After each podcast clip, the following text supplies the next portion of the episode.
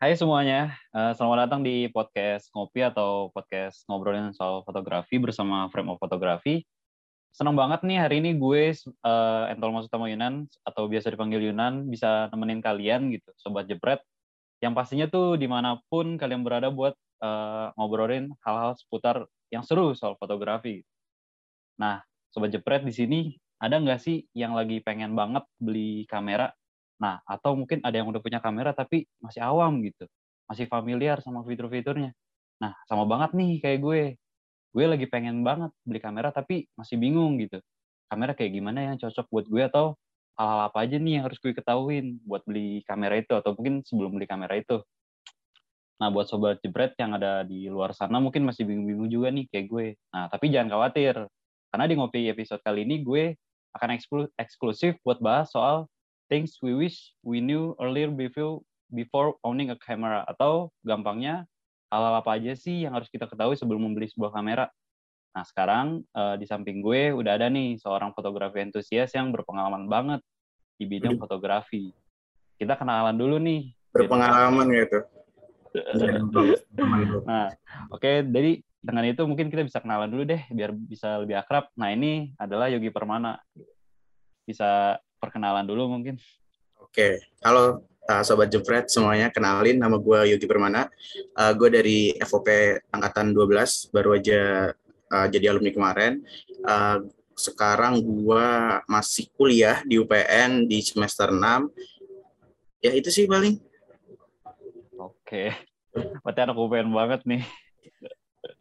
Nah terus untuk kabarnya gimana itu Bang sekarang? Kabar gue baik-baik. baik. Sempat sakit kemarin tapi udah sembuh. Sakit apaan tuh bang?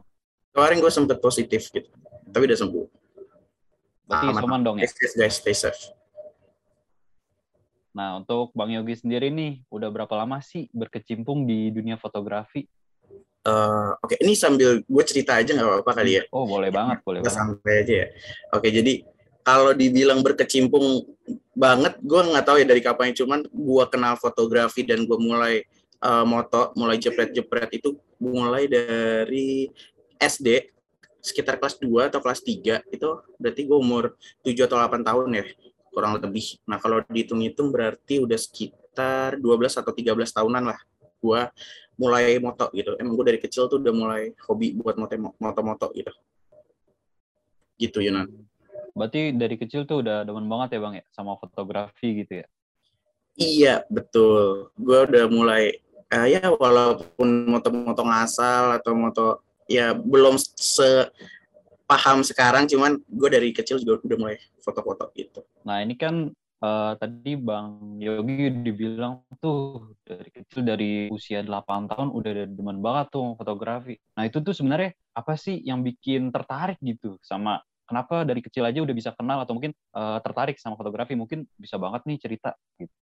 Oke, gue cerita juga. Jadi dulu itu gue suka banget moto-motoin orang, moto-motoin pemandangan gitu. Jadi di gue tuh di keluarga itu jadi keluarga gue punya namanya kamera pocket.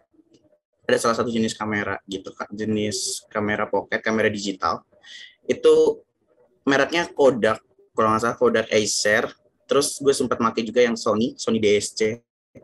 Itu tuh kamera, lo lo tau kayak modelnya kayak kamera analog gitu. Mm-hmm. Yang Kayak gitu, tapi, pakai kertas nah, film gitu bukan sih? Ya, jadi iya, tapi ini model digital ya udah digital, udah nggak ada kertas filmnya lagi, jadi udah pakai memory card. Tapi gue ingat banget, gue pakai memory cardnya tuh waktu itu cuma satu giga. Jadi file itu masih kecil-kecil, sekitar 200 KB-an gitu. Nah, itu tuh eh, nggak uh, dicas, makanya itu nggak dicas, tapi pakai baterai ABC uh, eh, yang A2. Nah, itu. Nah, jadi uh, gue punya itu, dan setiap keluarga gue ma main ke mana atau uh, jalan ke mana nah itu biasa gue gue yang bawa. Gue yang bawa terus gue yang moto-moto gue suka moto-moto gitu. Entah itu moto, biasanya moto pemandangan sih ya karena kalau misalkan gue liburan atau ke mana gitu sama keluarga gue terus misalkan gue kondangan gitu misalnya sama keluarga gue nah gue juga disuruh bawa tuh kamera buat moto-motoin orang-orang gitu gitu. Jadi mulai bikin tertariknya tuh ya dari situ sih karena dari kecil udah mulai megang kamera. Ya walaupun bukan kamera profesional ya kamera kamera digital compact compact kamera gitu. Gitu ya uh, kan itu kan kamera digital ya. Maksudnya tadi uh, tadi bang Yogi bilang tuh uh, apa namanya satu filenya aja paling cuma 200 KB. Tapi Iya. gimana tuh bang buat hasil fotonya tuh? Pasti kan kecil banget tuh bitrate-nya atau mungkin Iya. gede filenya gitu. Tapi eh, setelah gue gue liat-liat gue kan baru gue juga kemarin baru lihat foto-foto lama gue nih foto-foto ketika gue pakai itu. Ternyata hasilnya juga nggak nggak kalah nggak kalah keren sih sebenarnya dan menurut gue juga lumayan bagus gitu. Jadi ya foto juga nggak ya walaupun ukurannya mungkin kecil gitu ya cuman berapa pixel gitu kan. Cuman gue ingat banget oh kamera gue itu 8 megapiksel itu untuk eh, sensornya. Terus hasil filenya itu berapa nggak nyampe pokoknya nggak sampai gede yang sekarang ini gitulah nggak sampai kamera-kamera bahkan sama kamera HP sekarang tuh masih gedean file dari handphone gitu kalau lo moto pakai HP gitu tapi hasilnya oke sih kalau gue lihat juga oke gitu beberapa Hmm, Oke, Itu. berarti tadi kan eh, kalau gue denger ya Bang Yogi tuh ternyata buat bawa kamera itu ke kondangan-kondangan gitu kan. Nah, selain dari kondangan itu sebenarnya mungkin ada spesifik spesifik lain gitu. Kenapa sih demen gitu bawa-bawa kamera itu ke mana-mana? eh awalnya tuh karena disuruh kan disuruh sama orang tua gitu kayak nih kamu yang bawa gitu kameranya. Terus kayak gue ingat banget jadi ada tasnya gitu tasnya kecil kayak tas apa ya kayak sling bag gitu tasnya pakai tali. Terus jadi kayak gue cuman bawa itu terus ke mana-mana bawa akhirnya gue yang megang dong kameranya. Dan mau nggak mau gue yang moto gitu. Dan ya lo lo waktu kecil pasti sering diajak ke kondangan atau ke mana atau misalnya saudara lu nikah atau misalkan lo uh, uh, liburan ke mana gitu. Misalkan ke Dufan atau ke pantai atau keluar kota dan lain-lain nah itu gue yang bawa. Nah otomatis ketika gue yang bawa orang pasti minta motoin ke gue kan kayak eh fotoin dong fotoin fotoin. Nah dari situ dari situ tuh yang bikin gue jadi tertarik dan jadinya gue juga suka buat motoin orang gitu Oke. Nah, tadi kan Bang Yogi juga ada cerita tuh dari umur 8 tahun sampai mungkin udah ke mana-mana bawa kamera nih. Nah, sekarang kita kan lagi ngadepin banget nih yang namanya pandemi ya, COVID-19 ini yang dari tahun ke tahun tuh nggak kelar-kelar gitu, Bang. Nah, menurut Bang Yogi nih, eh, gimana sih eh, pandangannya gitu? Mungkin eh, dengan adanya pandemi ini bakal ternyata lebih susah buat nyari foto gitu, yang terutama outdoor atau di luar, gitu, Bang. Oke pandangan gue terhadap eh, susah nggak sih buat foto di luar nih pas pandemi gitu ya Mhm. kalau menurut gue sendiri adanya pandemi ini dua tahun ini tuh itu ngebawa ada dua sisi sih. Kalau kita bisa ngeliat dari sisi positifnya dan bisa jadi dari negatifnya gitu.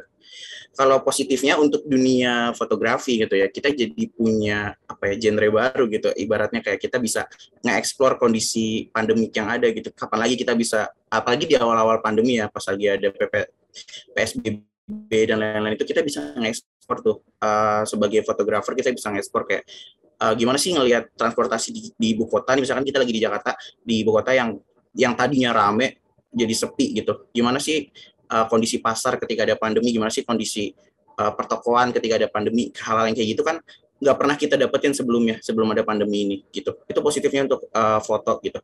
Negatifnya ketika kita keluar di saat pandemi tentu itu harus ekstra hati-hati kan ya. Apalagi juga ada beberapa larangan pemerintah di awal-awal yang emang kita nggak bisa buat keluar gitu. Tapi ketika kita ada izin untuk keluar atau boleh-boleh buat keluar ya menurut gua itu sebuah uh, privilege ya. Jadi kita bisa explore lebih nih apa aja sih yang ada di pandemi ini gitu. Apa aja yang terjadi selama pandemi dan kita bisa uh, mot- moto itu gitu. Gitu.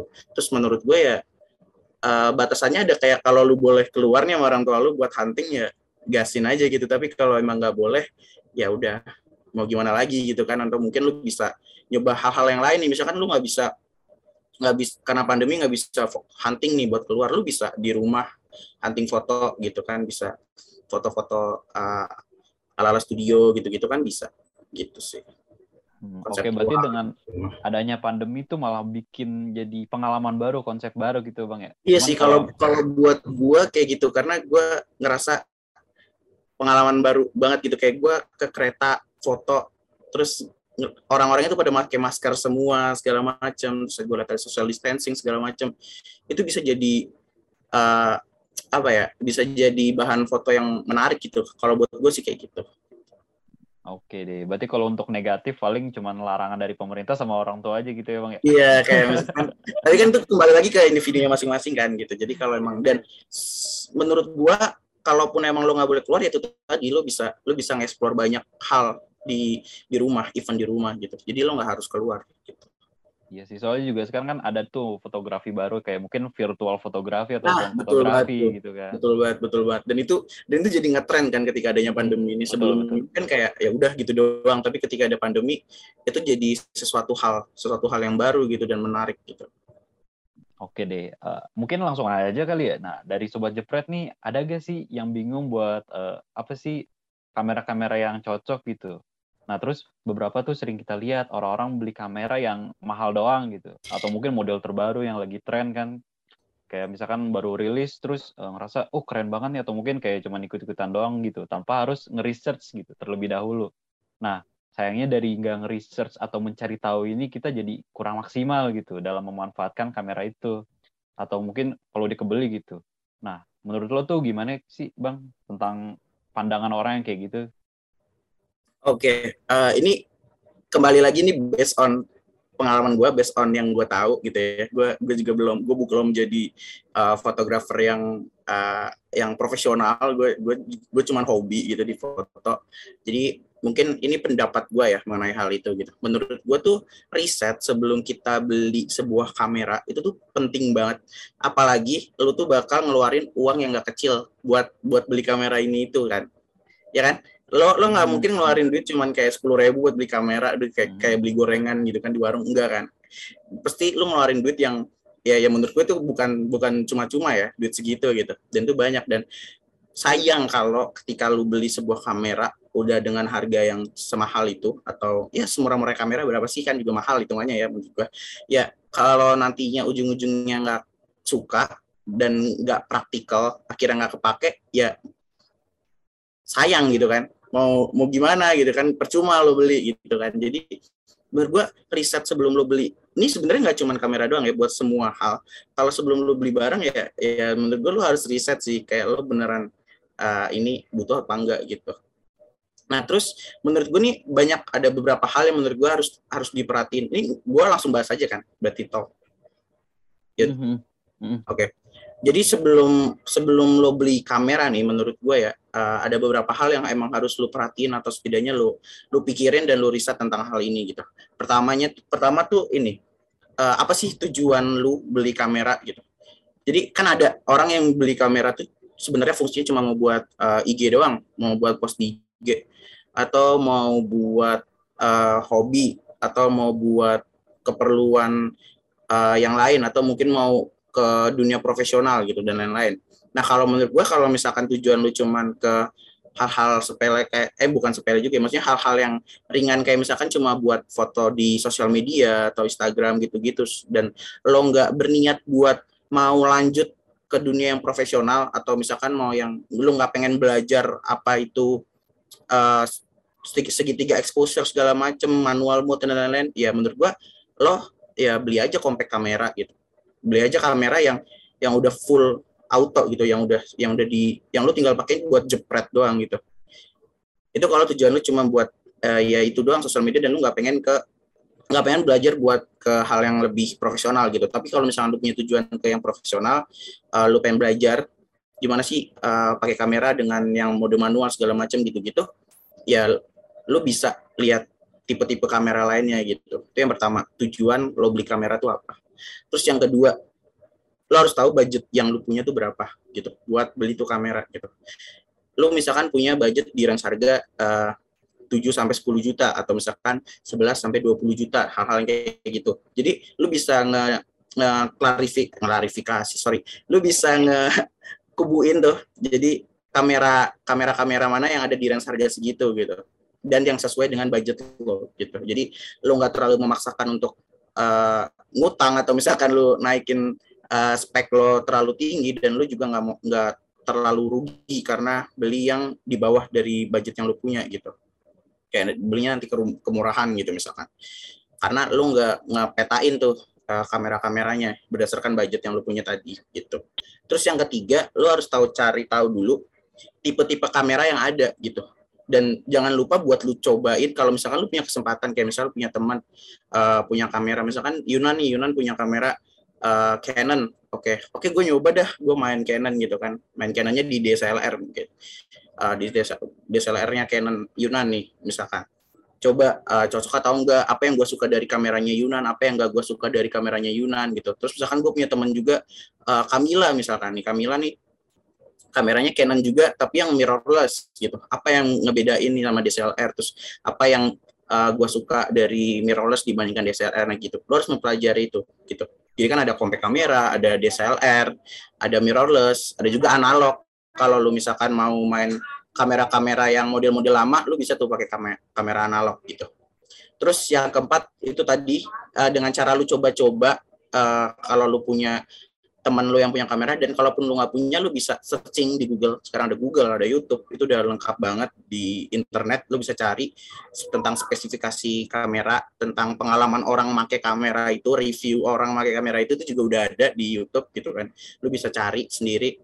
Terus lu juga harus cari tahu fitur dari kamera lu nih. Mulai dari uh, fiturnya ada bisa video atau enggak, image stabilization-nya gimana, terus ada range ISO-nya dari berapa sampai berapa, terus ada sensornya, ada sensor apa aja, ada mikrofonnya atau enggak. Terus beberapa kamera sekarang kan juga udah kayak wajib banget buat ada wifi sama GPS gitu-gitu, hal-hal yang seperti itu yang lu rasa lu butuh, yang lu rasa lu butuh dan sesuai dengan tujuan awal lo tadi, ya itu bisa jadi uh, opsi gitu. Jadi lu mengkerucutkan opsi lo yang dari tadinya banyak jadi semakin mengkerucut gitu, makin kecil gitu. Nah, terus lu juga harus jangan lupa yang lu beli itu juga cuman nggak cuman berakhir dari sampai ke kameranya doang gitu. Terutama kalau misalnya lu beli DSLR mirrorless gitu atau analog gitu. Karena bakalan ada namanya perawatan kan ketika lo beli sebuah barang itu, terutama kamera. Jangan lupa sama aksesoris sama ada lensa-lensa juga kan yang lain gitu.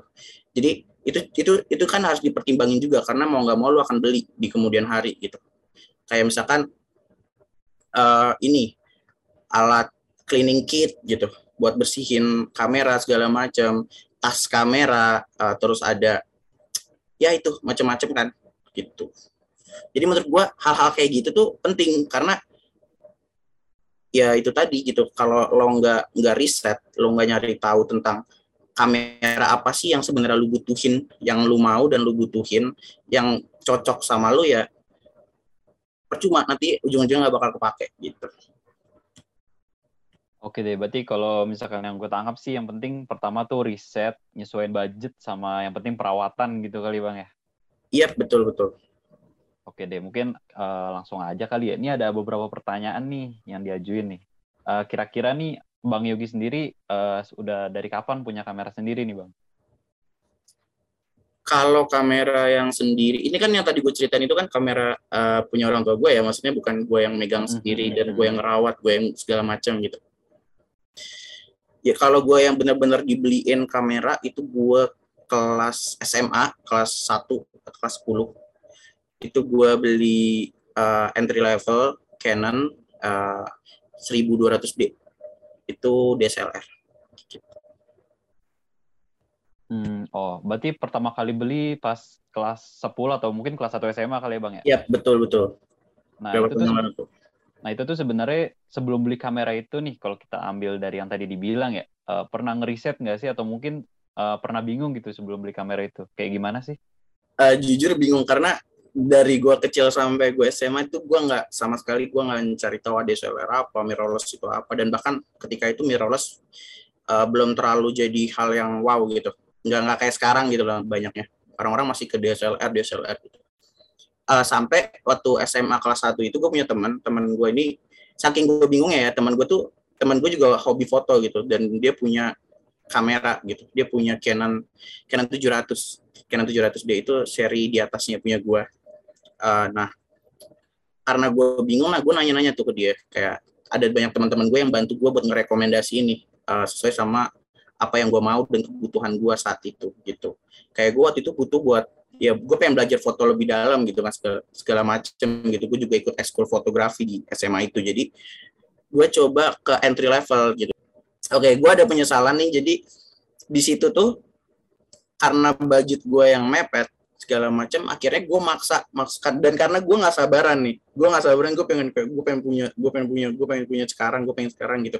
Padahal tuh kalau gue nabung bentar nabung dikit lagi tuh gue udah bisa uh, kebeli yang uh, di atasnya dikit dan itu menurut gue jauh lebih awet gitu buat gue pakai ke depannya gitu. Karena jujur sekarang yang 1200 D ini udah jarang banget gue pakai. Jadi gue lebih mending minjem punya teman gue gitu dan lain-lain karena satu dua hal gitu. Gitu sih.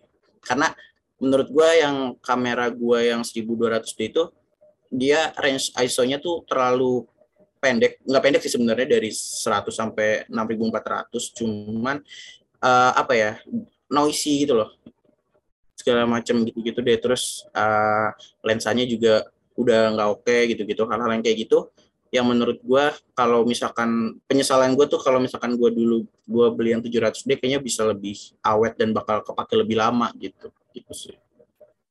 Oke deh. Nah uh... itu jadi pentingnya riset tadi tuh di situ biar nggak kayak gue.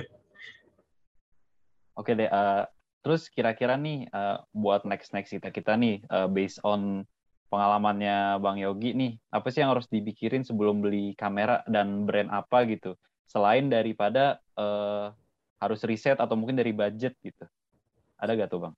Oke, balik lagi ke yang tadi gue bahas di depan ya. Kayak yang pertama lu harus tahu kebutuhan lo beli kamera itu buat apa. Karena itu bener-bener nentuin lo bakal ke arah mana nih kamera yang lo mau gitu. Terus ya terus apa nih yang lo suka dari sebuah kamera gitu. Dan yang ketiga tuh menurut gue ya cocok-cocokan gitu. Karena ada yang Canon person, ada yang Nikon person gitu kan. Ada ada yang sukanya mirrorless, ada yang suka DSLR gitu. Jadi cara lo buat cari tahu lo tuh lebih suka yang mana, lebih cocok yang mana ya menurut gue dengan nyoba sih, nyoba atau mungkin kalaupun lo nggak berkesempatan buat nyoba, lo setidaknya lo bisa cari tahu gitu di internet. Karena beneran beda banget. Karena gue gue lebih ke Canon ya. Ketika gue dikasih Nikon, uh, DSLR, misalnya DSLR Nikon gitu, gue beneran nggak paham sama sekali. Meskipun gue udah pernah diajarin ya, diajarin berkali-kali, ujung-ujungnya gue tetap gak paham gitu kayak cara ngezoom ya, cara ngezoom lensanya aja dengan Nikon tuh beda gitu. Belum lagi tombol-tombol-tombol yang lain gitu. Mungkin fitur dan lain-lainnya sama, tapi cara pemakaiannya uh, bisa berbeda gitu. Satu dari satu atau dua merek. Jadi lo harus benar-benar tahu nih merek mana yang benar-benar cocok buat lo gitu. Gitu sih. Oke, berarti yang penting tuh uh, cocok-cocokan merek ya bang ya? Iya, benar. Jadi lo harus bener-bener belajar dulu sih dari dari kamera-kamera yang ada nih gitu. Jadi kalau menurut gue lo masih beneran awam tentang kamera dan lo belum pernah megang dan lain mending menurut gue nyoba ke store kamera lah at least ke store kamera buat lihat-lihat buat nyoba-nyoba gitu. Buat nyoba megang ngefeelin gitu. Uh, gimana sih uh, feelnya buat megang ini kamera atau kamera ini kamera itu gitu itu sih karena itu menurut gue penting banget Hmm, oke deh, uh, nih mau nanya juga nih, kan tadi uh, Bang Yogi tuh beli kamera buat ekskul fotografi ya waktu SMA ya. Yep. Nah terus tuh ada gak sih hal lain uh, kenapa harus uh, mutusin buat beli kamera itu si Canon 1200 di itu bang? Ada gak? Oke, okay. uh, balik lagi sih, karena waktu itu gue ini kan nggak sabaran, gue ada budget segitu ya udah mentoknya di situ, akhirnya gue beli itu.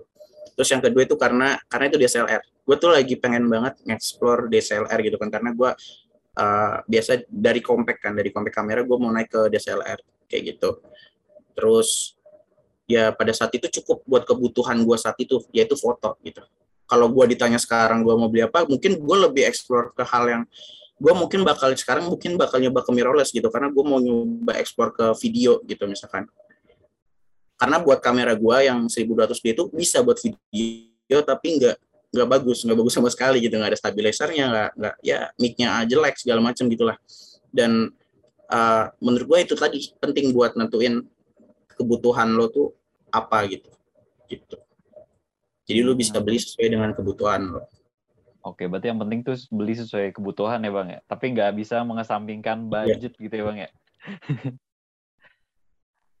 Iya kan ujung-ujungnya lu beli pakai duit kan, kan nggak mungkin pakai daun nih misalkan. Kecuali lu yes. mau mau kredit itu itu urusan lo ya, itu mau lu mau gimana itu terserah lu mau manage uh, keuangan lu kayak gimana. Tapi menurut gua uh, ya sesuai lah sama kapasitas kantong gitu. Oke deh, ini ada pertanyaan juga nih. Uh, untuk mencakup uh, banyak fokus gitu fotografi mungkin kayak konseptual, jurnalistik, street atau segala macam nih. Menurut Bang Yogi tuh lebih baik DSLR atau mirrorless sih? Cuman kan soalnya DSLR sama mirrorless tuh uh, beda-beda tipis ya. Terus kalau emang antara salah satu itu kenapa sih gitu? Oke, ini kalau menurut gue ya. Kalau hmm. menurut gue sih sebenarnya dua-duanya khususnya di fotografi ya di fotografi untuk dua-duanya mau DSLR mau mirrorless menurut gue sama aja sih maksud gue uh, lo mau make DSLR lo mau make mirrorless ya sama aja gitu hasilnya kecuali yang bikin beda dari dari antar kamera tuh menurut gua kelasnya gitu. Jadi yang kamera ada kayak entry level, middle level, professional level gitu. Ada kalau di Canon ada 1200D, ada 600D, ada 70D, ada 5D dari yang biasa sampai yang paling mahal gitu. Nah, biasanya kelihatan bedanya tuh dari situ gitu. Jadi kalau misalkan menurut gua kalau dibanding-bandingin nih uh, antar kelas, misalkan di kelas yang sama, menurut gua hasilnya bak pasti bakalan gak jauh beda lah, sama-sama aja gitu. Balik lagi uh, kalau ke lu lebih suka yang compact nih misalkan lu lebih suka yang compact ya lu bisa beli mirrorless gitu atau lu lebih suka yang kelihatan moto banget nih DSLR gitu karena dia bodinya lumayan gede gitu gitu dan mungkin karena lensanya lebih gampang nih uh, ganti-gantinya karena lebih kompatibel dengan banyak lensa misalkan kalau DSLR gitu. Nah itu itu baik lagi keputusannya ada di lo gitu. Kayak gitu sih kalau menurut gua. Ini kalau di fotografi ya.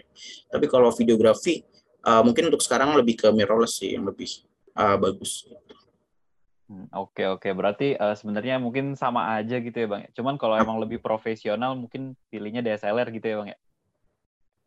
Uh, kalau foto sebenarnya sama aja makanya tergantung kalau kalau lu profesional ya tergantung lu punya duit yang banyak lu juga bisa beli mirrorless yang harganya yang harganya mahal gitu yang harga yang lebih bagus di kelasnya gitu kan jadi menurut gua tergantung kelasnya aja lu tinggal lu pilih lu lu kebutuhan lu, lu suka yang compact atau suka yang gede gitu.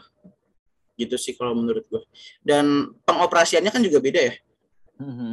uh, kayak tombol-tombolnya even mereknya sama misalkan Canon Canon Canon DSLR sama Canon mirrorless itu juga gue udah pernah nyoba kan kayak uh, menu-menunya tuh kadang gue juga bingung tuh kalau gue pakai mirrorlessnya Canon gitu. Padahal gue biasa megang Canon DSLR gitu.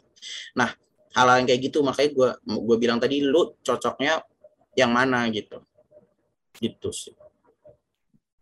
Oke deh bang. Nah ini uh, ngebahas soal kamera yang masih pakai ini ya kamera analog tuh yang pakai kertas film iya, ya, yang pakai roll iya, film iya. gitu kan. Roll film. Ha. Nah mau nanya, itu masih worth it gak sih untuk sekarang tuh beli-beli kamera kayak gitu bang?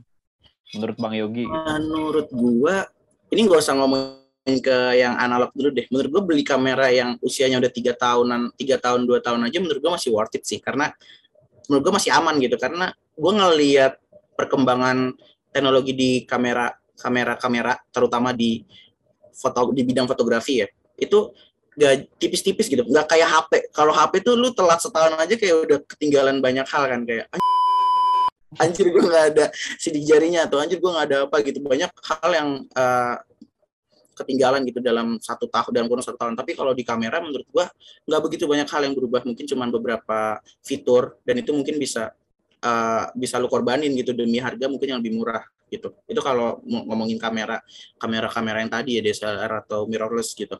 Tapi dah terus kalau lu mau yang lama sekalian nih kayak misalkan red kamera main red lu mau lu mau main retro gitu lu beli kamera analog segala macam itu menurut gua masih worth it ya kecuali terutama apalagi kalau lu mau uh, ngedalemin nih fotografi-fotografi vintage fotografi gitu-gitu. Analog fotografi itu keren sih dan gue juga baru pengen mulai ke arah situ gitu.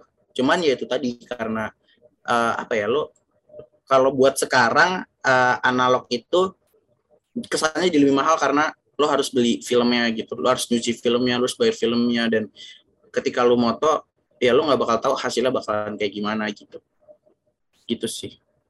Oh berarti kalau misalkan mau beli kamera keluaran lama gitu, misalkan dua atau tiga tahun atau mungkin bertahun-tahun ke belakang tuh masih worth it ya bang gitu ya? Kalau menurut gue sih masih worth it. Ya. Yang penting lu lihat aja sama uh, spesifikasinya. Kalau itu masih bisa memenuhi kebutuhan lo, ya it's worth it gitu.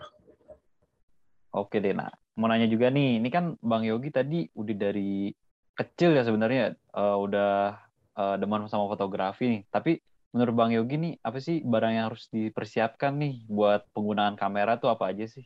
Kira-kira aksesoris-aksesoris gitu kan? Ya yang tadi kayak gue bilang di awal kayak lo beli kamera tuh nggak nggak sampai stop lo beli di kamera doang gitu karena pasti banyak perintilannya yang bakal lo butuhin nih ketika lo nge ngegunain kamera itu gitu. Menurut gue yang wajib yang wajib lo punya nih kalau lo punya kamera aksesoris-aksesoris yang wajib lo punya yang pertama yang jelas itu SD card buat nyimpen data. Karena lu beli kamera nggak nggak dapat SD card kan? Lu, lu harus beli betul, betul. card. SD card sendiri juga ada kelasnya kan masing-masing gitu. Ada yang uh, kecepatannya berapa sampai ada yang wah range-nya ada gitu. Itu bisa disesuaikan sama kebutuhan lo lagi balik lagi ke situ. Terus yang kedua itu ada tas kamera. Karena beberapa nggak nggak include di pembelian gitu. Itu penting banget tas kamera buat ngelindungin kamera lo kalau lo bawa ke mana-mana gitu. Kamera dan lensa lo itu penting banget karena kamera rapuh ya kayak kepentok sedikit aja bisa rusak segala macam. Jadi lo harus secure kamera lo dengan baik dengan tas kamera itu. Terus yang ketiga itu tripod.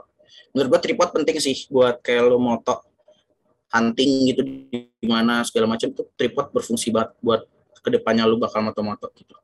Terus ada cleaning kit tadi gue sempet nyebut juga kan buat bersihin kamera lo gitu. Ada semprotan debu gue lupa namanya apa itu semprotan debu pokoknya dipencet-pencet gitu buat ngilangin debu gitu. Terus ada uh, microfiber cloth yang biasa buat kayak lo uh, ngusap kacamata tuh nah buat bersihin lensa segala macam terus ada cairannya juga buat bersihin lensa terus ada sapu-sapunya segala macam itu menurut gua penting buat bersihin kamera dan lensa lo gitu. Karena ya berkala harus di secara berkala nih harus lu bersihin juga kan gitu terus ada yang namanya itu filter lensa.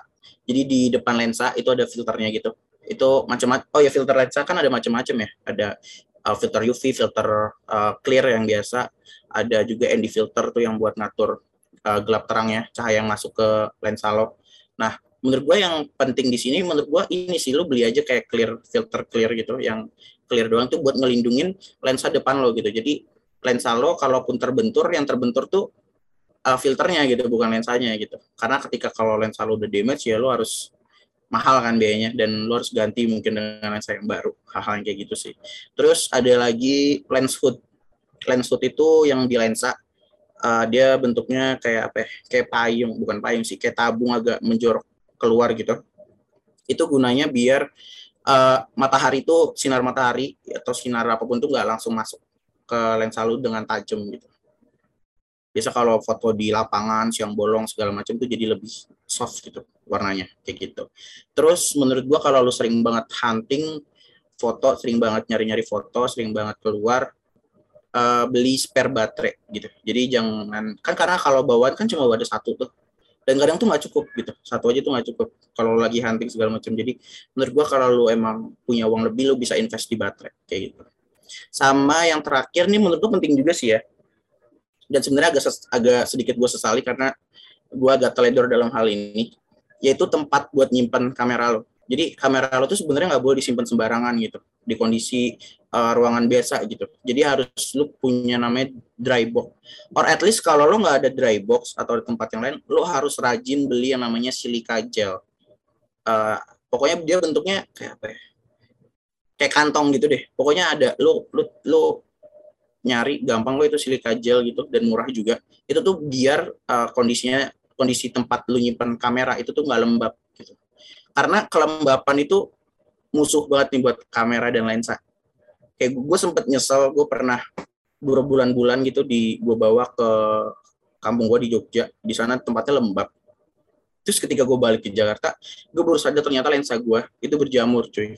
Hmm. dia sampai sekarang kalau gue moto itu ada kayak spot uh, titik gitu di kecil tapi tetap notice noticeable masih kelihatan di foto tiap foto yang gue ambil itu ada kayak titik gitu. Nah itu jamur yang gara-gara uh, gue lupa beli silika gel gitu kayak gitu. Dan kalau lu punya uang lebih lu bisa beli dry box kayak gitu sih.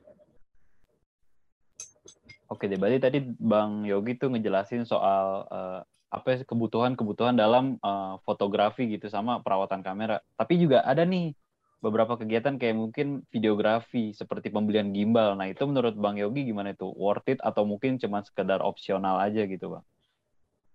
Uh, kalau menurut gue balik lagi ke kebutuhan lo tadi. Kalau lo butuh buat video, menurut gue gimbal worth it sih. Menurut gue gimbal perlu gitu karena uh, beda banget kamera yang uh, nggak pakai gimbal sama yang pakai gimbal dalam pengambilan video atau shoot footage gitu ya.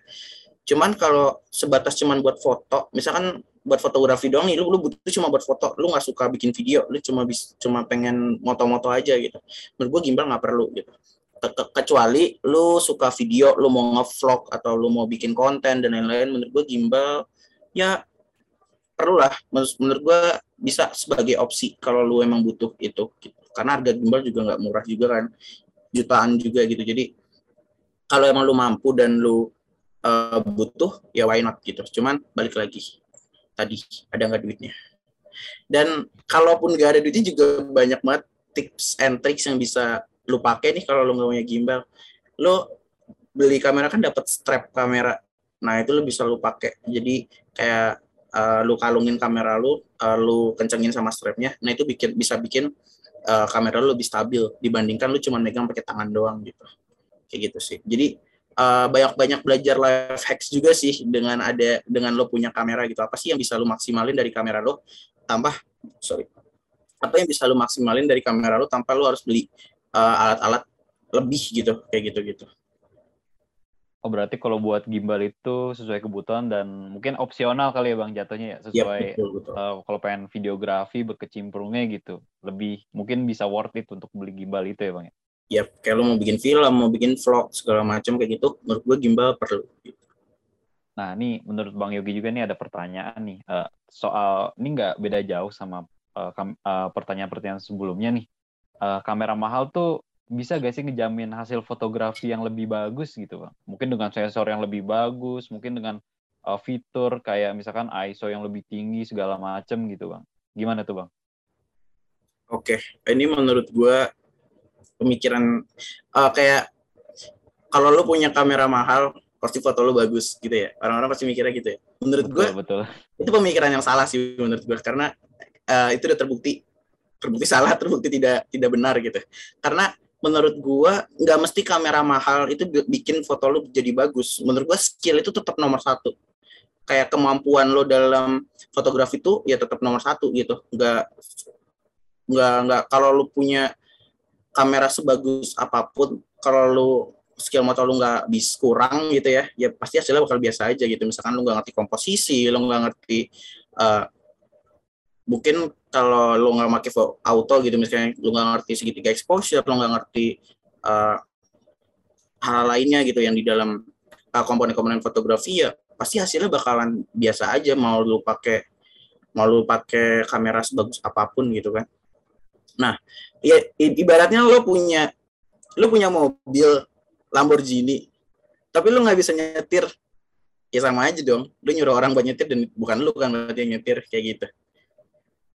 Kayak gitu sih. Jadi kamera mahal tuh menurut gua apa ya? Penunjang penunjang buat lo dan kemampuan lo buat nge ngehasilin foto yang lebih bagus gitu. Kayak contohnya gimana ya?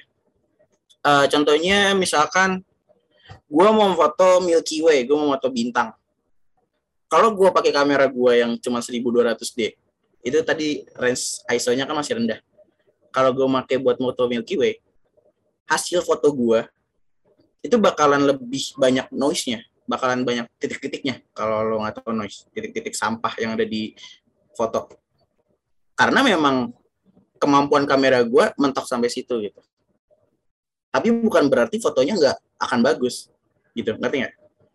Tapi ketika kalau gue pakai kamera yang lebih bagus dari yang 1200 d, misalkan gue pakai kamera yang full frame gitu, misalkan gue pakai 5D, misalkan, gue foto pakai 5D gitu. Segala macam. Dengan kemampuan yang gue punya ketika gue pakai 1200 d hasil yang gue hasilkan dari 5D ini bakalan jatuh lebih jernih.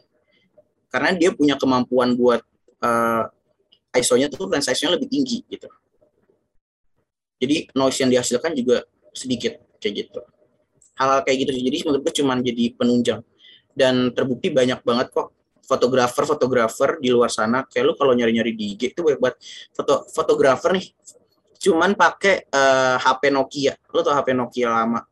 Hmm, tahu bang tahu ya yang cuma 0,3 megapiksel atau berapa megapiksel pokoknya di bawah di bawah 5 megapiksel gitu gitu mereka bisa bikin foto yang menurut gua tuh keren banget gitu. Kayak lo lo kalau ngeliat secara sekilas tuh lo nggak percaya kalau itu diambil dari HP Nokia gitu. Hal kayak gitu. Dan bahkan daily driver gue buat foto aja sekarang gue lebih ngandelin HP gue sendiri gitu. Dan HP gue bukan HP flagship yang mahal yang harganya belasan juta atau misalkan di atas 5 juta aja enggak gitu. Tapi bukan berarti gue uh, hasil foto gue uh, nggak nggak bisa sebagus gitu gitu. Maksudnya kalau dibandingin sama orang yang ngerti nggak ngerti komposisi fotografi dan lain-lain megang kamera mahal ya masih bisa dilawan gitu. Gitu sih. Menurut gue gitu. Jadi uh, kualitas barang yang bagus itu cuman sebagai penunjang buat lo yang udah punya ilmu di situ, buat lo yang udah punya kemampuan dasar di situ buat ngasilin foto yang lebih bagus. Ketika daripada lo ngambil uh, foto di uh, barang yang biasa aja gitu. Kayak gitu sih. Oh berarti kalau misalkan yang gue tangkap ya bang ya, berarti tergantung yeah. dari skill kitanya gitu, bukan dari foto atau iya, kameranya gitu ya bang ya. Betul betul. Kalau menurut gue gitu kayak ya lu coba aja lu lu deh lu moto nih pakai misalkan pakai kamera apa yang mahal di sama teman lu yang nggak ngerti kamera sama sekali lu foto pasti hasilnya beda dan pasti hasilnya gue percaya pasti bakalan bagus lo gitu karena lu lebih ngerti gitu komposisi foto tuh seperti apa gitu cara ngatur settingannya seperti apa yang bagus segala macam kayak gitu. Yang kan orang awam kan kayak udah ngasal foto gitu. Kayak gitu sih. Kalau menurut gue gitu. Oke deh bang. Nih mungkin bisa jadi pertanyaan terakhir ya sekaligus uh, pertanyaan penutup gitu. Kira-kira ada saran apa sih dari bang Yogi nih buat ke sobat jebret uh, dalam ini ngeyakinin mereka gitu sebelum beli kamera gitu? Ada gak sih bang uh, apa ya? Uh, menurut gue ya, uh, buat sobat jepret nih, yang kalau lo pada mau beli kamera, lo harus bener-bener uh, riset dulu, kayak yang gue udah bilang sebelumnya, pahamin apa yang bakal lo beli, dan beli berdasarkan kemampuan dan kebutuhan lo. Dan yang paling nyaman buat lo pakai sehari-hari gitu. Menurut gue itu kuncinya. Kuncinya ada di situ. Ketika hal itu udah terpenuhi, uh, menurut gue lo nggak bakal kecewa sih beli beli beli hub beli kamera itu gitu. Oke deh, berarti uh, sebagai kesimpulan nih dari pertanyaan-pertanyaan sebelumnya, kalau soal brand mungkin uh, cocok-cocokan gitu ya sama kita. Terus kalau misalkan DSLR maupun mirrorless itu uh, sebenarnya terserah karena mungkin sifatnya sama dan untuk pembelian kamera gitu mungkin yang orang nyari dua tiga tahun ke belakang karena harga lebih murah juga nggak usah takut gitu ya bang ya karena nggak bakal ketinggalan ya kan gasin aja gasin Nah, terus kalau buat uh, uh, penggunaan atau mungkin aksesoris yang diperluin itu juga sifatnya wajib gitu ya bang ya, karena kita beli kamera nggak cuma kamera kamera benar-benar kamera doang, kita juga pasti butuh hal lain kayak tripod tadi sama perawatan perawatannya gitu ya bang ya. Nah, terus untuk uh, tadi uh, hasil foto dari kamera yang mahal nggak ngejamin buat lebih bagus gitu, tapi tergantung dari skillnya kita sendiri gitu ya bang ya balik lagi sama orang yang pakai kamera itu. Oke deh, uh, mungkin itu aja sih bang. Nah, jadi gimana nih sobat, sobat jepret? Mungkin seru banget dan insightful banget pembahasan kita kali ini bersama Bang Yogi yang udah hadir nih di ngopi episode 5 kali ini. Uh, kita mau makasih banget. Uh, terus juga minta nih Bang Yogi buat terus sehat-sehat terus ya Bang ya. Soalnya kan abis sembuh kita harus sehat terus gitu. Nah, kalian juga sehat-sehat terus ya, anjir. Karena lagi musim banget nih kan, Omikron gitu kan harus hati-hati. Terus juga makasih nih buat Sobat Jepret yang udah ngedengerin podcast Ngopi kali ini. Uh, jadi uh, dinanti lagi ya buat next podcast Kopi episode selanjutnya. Salam Jepret, dadah. Dadah guys, terima kasih. Terima kasih.